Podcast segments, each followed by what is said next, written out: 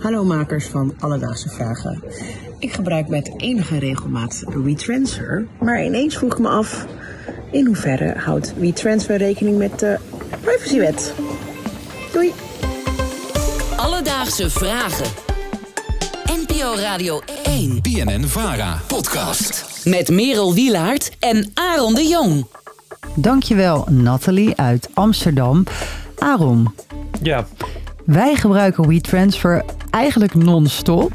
ja, dat kun je wel zeggen. Is deze vraag ook wel eens door jouw hoofd gegaan? Ehm, ik ben over het algemeen redelijk ehm, bewust van de privacy en ehm, hoe ik daarmee online mee omga. En zeker, ja, dat, die vraag is wel eens door mijn gedachten gegaan. Maar je vertrouwt het genoeg om er elke dag gebruik van te maken. Ja, ik denk het toch wel, ja. Nou, dan heb ik ook eh, goed nieuws in die zin. Om maar meteen met de deur in huis te vallen. Heb ik contact gehad met WeTransfer zelf. En zij zeggen... Absoluut jouw privacy niet te schenden.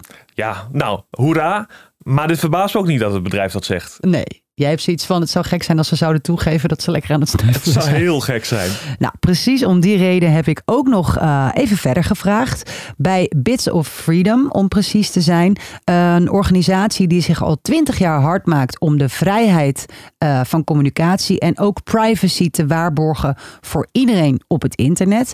En dit is wat medewerker eh, Reo Zenger te zeggen had over WeTransfer en jouw privacy. Eh, ik heb geen reden om aan te nemen dat WeTransfer de privacy van haar gebruikers schaadt. En dat komt omdat zij ze schijnen de goede maatregelen genomen te hebben om jouw bestanden die jij wilt delen via die dienst goed te beschermen. Nou, dan kan je dus denken, mooi verhaal. Het wordt bevestigd door WeTransfer en dus ook eh, Bits of Freedom. Klaar, podcast, doei, afgelopen, einde.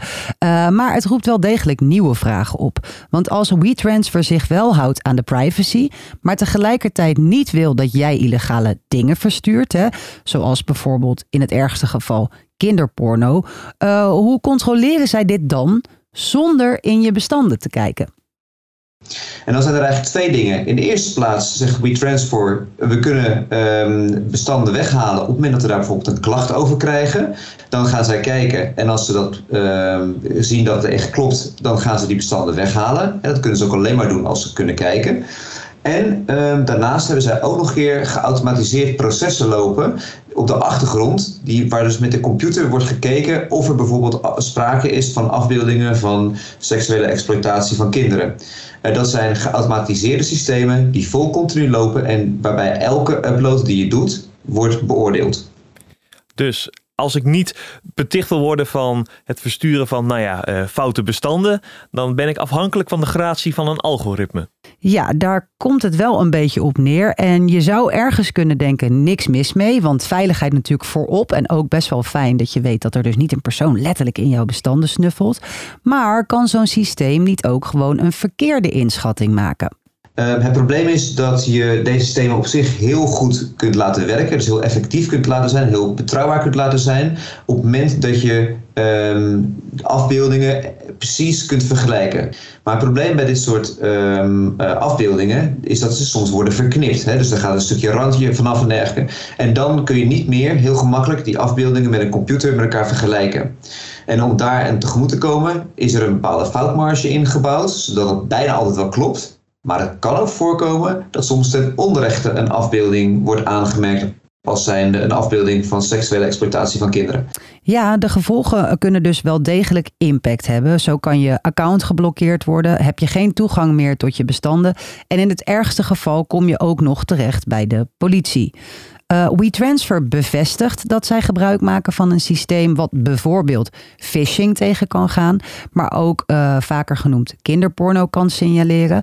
Eh, ook zeggen zij, ik zal het letterlijk even quoten, we hebben ook een notice- en takedown procedure, waarin gebruikers of derde partijen onrechtmatige of illegale content kunnen rapporteren. Alledaagse Vragen.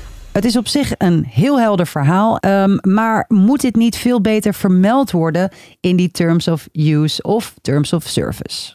Voor mij is het super belangrijk dat je als gebruiker dat helder is eh, wie, wanneer en onder welke omstandigheden en welke voorwaarden bij jouw bestanden kan. En zolang dat helder is, eh, kun je als gebruiker een ehm, geïnformeerde afweging maken of je de ene dienst of de andere dienst wil gebruiken. Ja, nou daar ben ik sowieso een voorstander voor. Uh, dat die terms of service, dat die veel toegankelijker geschreven mogen worden. En dat het niet allemaal in juridische wollige taal ergens weggemoffeld moet zijn. Groter lettertype. Groter lettertype. Dus Nathalie, er is op dit moment geen reden om aan te nemen dat WeTransfer jouw privacy schendt. Wel is het goed om altijd de terms of use en service toch tot in de kleine lettertjes te lezen. Aaron, uh, waar kunnen mensen heen als ze zelf een alledaagse vraag hebben? Nou, heb jij zelf een vraag? Ga dan naar onze Instagram van Alledaagse Vragen en stuur ons een DM. Of je kan een mailtje sturen naar alledaagsvragen.radio1.nl Alledaagse Vragen. NPO Radio 1. BNN Vara. Podcast.